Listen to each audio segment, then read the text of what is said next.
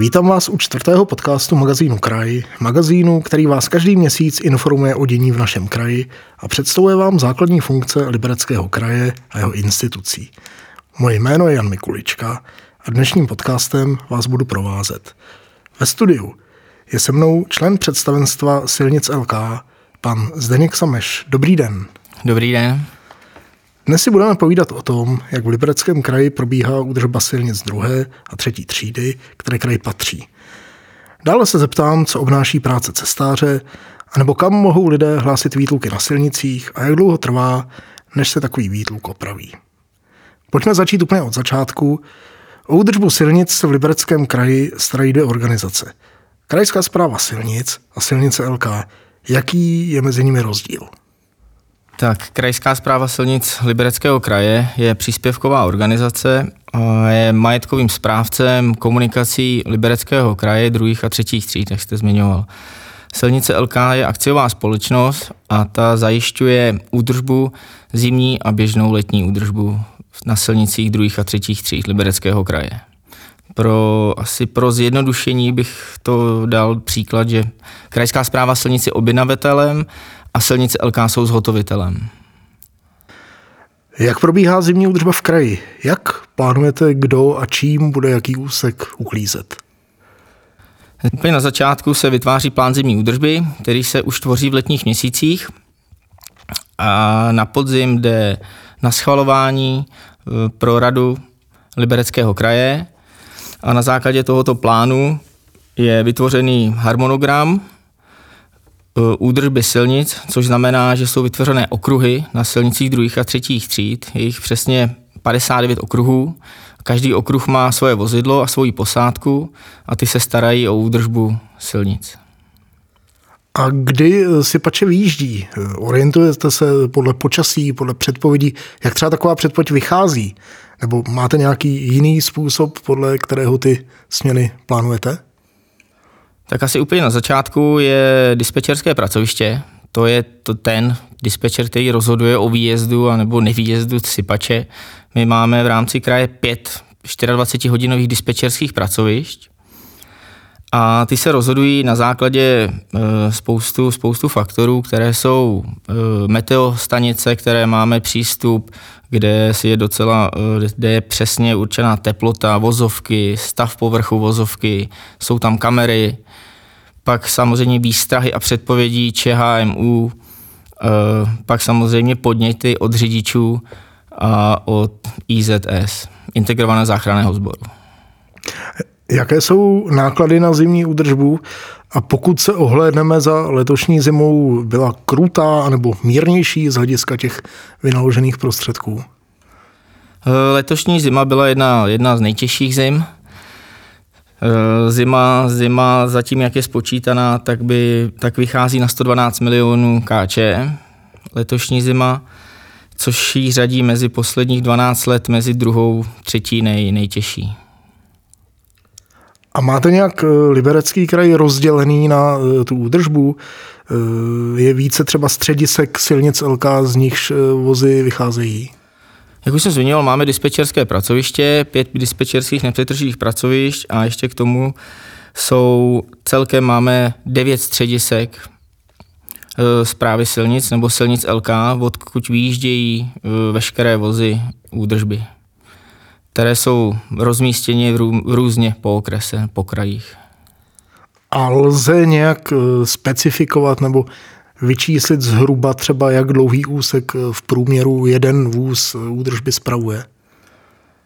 Silnice, silnice LK spravují něco přes 2000 km krajských silnic. Jak už jsem zmiňoval, je tam 59 okruhů, což je 59 vozidel, což vychází na nějakých průměru 35 km jednosměrně což znamená, když jede tam a zpátky, tak je to 70 km to vozidlo, musí proplužit, posypat a samozřejmě vyjíždějí z jednoho místa v rámci, v rámci těch svých středisek eh, a než najedou na ten svůj okruh, který mají udržovat, tak můžou třeba ještě dalších 10-15 km najet. Takže to vozidlo, než projede ten jeden svůj okruh, tak může najet třeba až 100 km.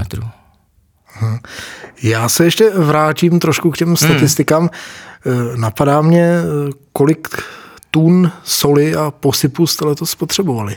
Jo, mám to tady. Zatím to nejsou úplná čísla, ale je to 12 000 tun soli, 3, 3 miliony litrů solanky, 13 000 tun drtě a 8 000 tun písku. Jenom možná pro upřesnění, co to vlastně je ta solanka?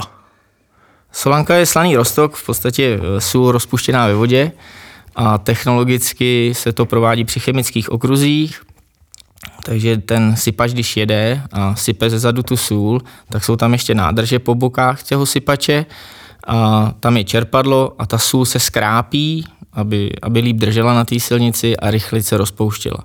Tím je to efektivnější ta údržba. Zima uh, už pomalu končí. Co vlastně čeká uh, silničáře po zimě? Po zimě. Teď nás čeká úklid po zimě. To, co jsme si vysypali, tak musíme si uklidit. Takže teďka bude pro nás hlavní je úklid po zimě, připravit veškerou techniku na tyto činnosti. Teď je období ještě vegetačního klidu, takže veškeré prořezávky stromoví nás čekají, musíme to stihnout do konce března. A jak jsem zmiňoval, teďka je základ uh, úklid a škody po zimě, jako jsou svodidla, zábradlí, nabouraný značky. Všichni asi vidí, že jich je dost po silnicích těch značek. Všichni určitě asi i vidí, že po zimě na silnici dost výtluků eh, a různých eh, děr. Pokud někde vidím nějakou díru v silnici, kam ji třeba můžu nahlásit a jak dlouho třeba trvá, než takový výtluk zmizí? Ano, takže jak jsem zmínil na začátku, Krajská zpráva silnice majetkovým správcem komunikace eh, je rozdělená na okresy, ta, každý okres má svého inspektora, takže na stránkách Krajské zprávy silnic Libereckého kraje se dá zjistit eh, dotyčný inspektor, kterému lze nahlásit, nahlásit ten výtluk, který se tvoří nebo který tam je. Samozřejmě nečekáme jenom na to, až nám lidi budou volat, ale tvoříme teďka v březnu, se tvoří plán oprav výtluků, který bude v průběhu dubna vyvěšen na stránkách Libereckého kraje a tam se každý může dočíst, kde a kdy se bude opravovat patřičná silnice. Dobrá, je ještě něco, co byste chtěl našim posluchačům sdělit, vzkázat?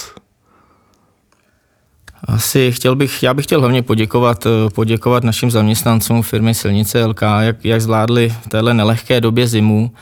A letošní zima byla náročná, hlavně měsíce leden, únor, které, které byly až extrémní chvílema. A všechno jsme zvládli a za to velký dík. A co se týče řidičů, tak asi hodně šťastných kilometrů najetých a vždycky dojedou kam, kam chtějí, kam potřebují. Děkuji. Ve studiu se mnou dnes byl pan Zdeněk Sameš, člen představenstva společnosti Silnice LK, kterému tímto děkuji za zajímavé povídání a přeji mu mnoho zdraví a štěstí do jeho další práce. Naschledanou. Naschledanou, děkuji. Budu se na vás těšit opět za měsíc při dalším podcastu magazínu Kraj, magazínu Libereckého kraje. Naslyšenou.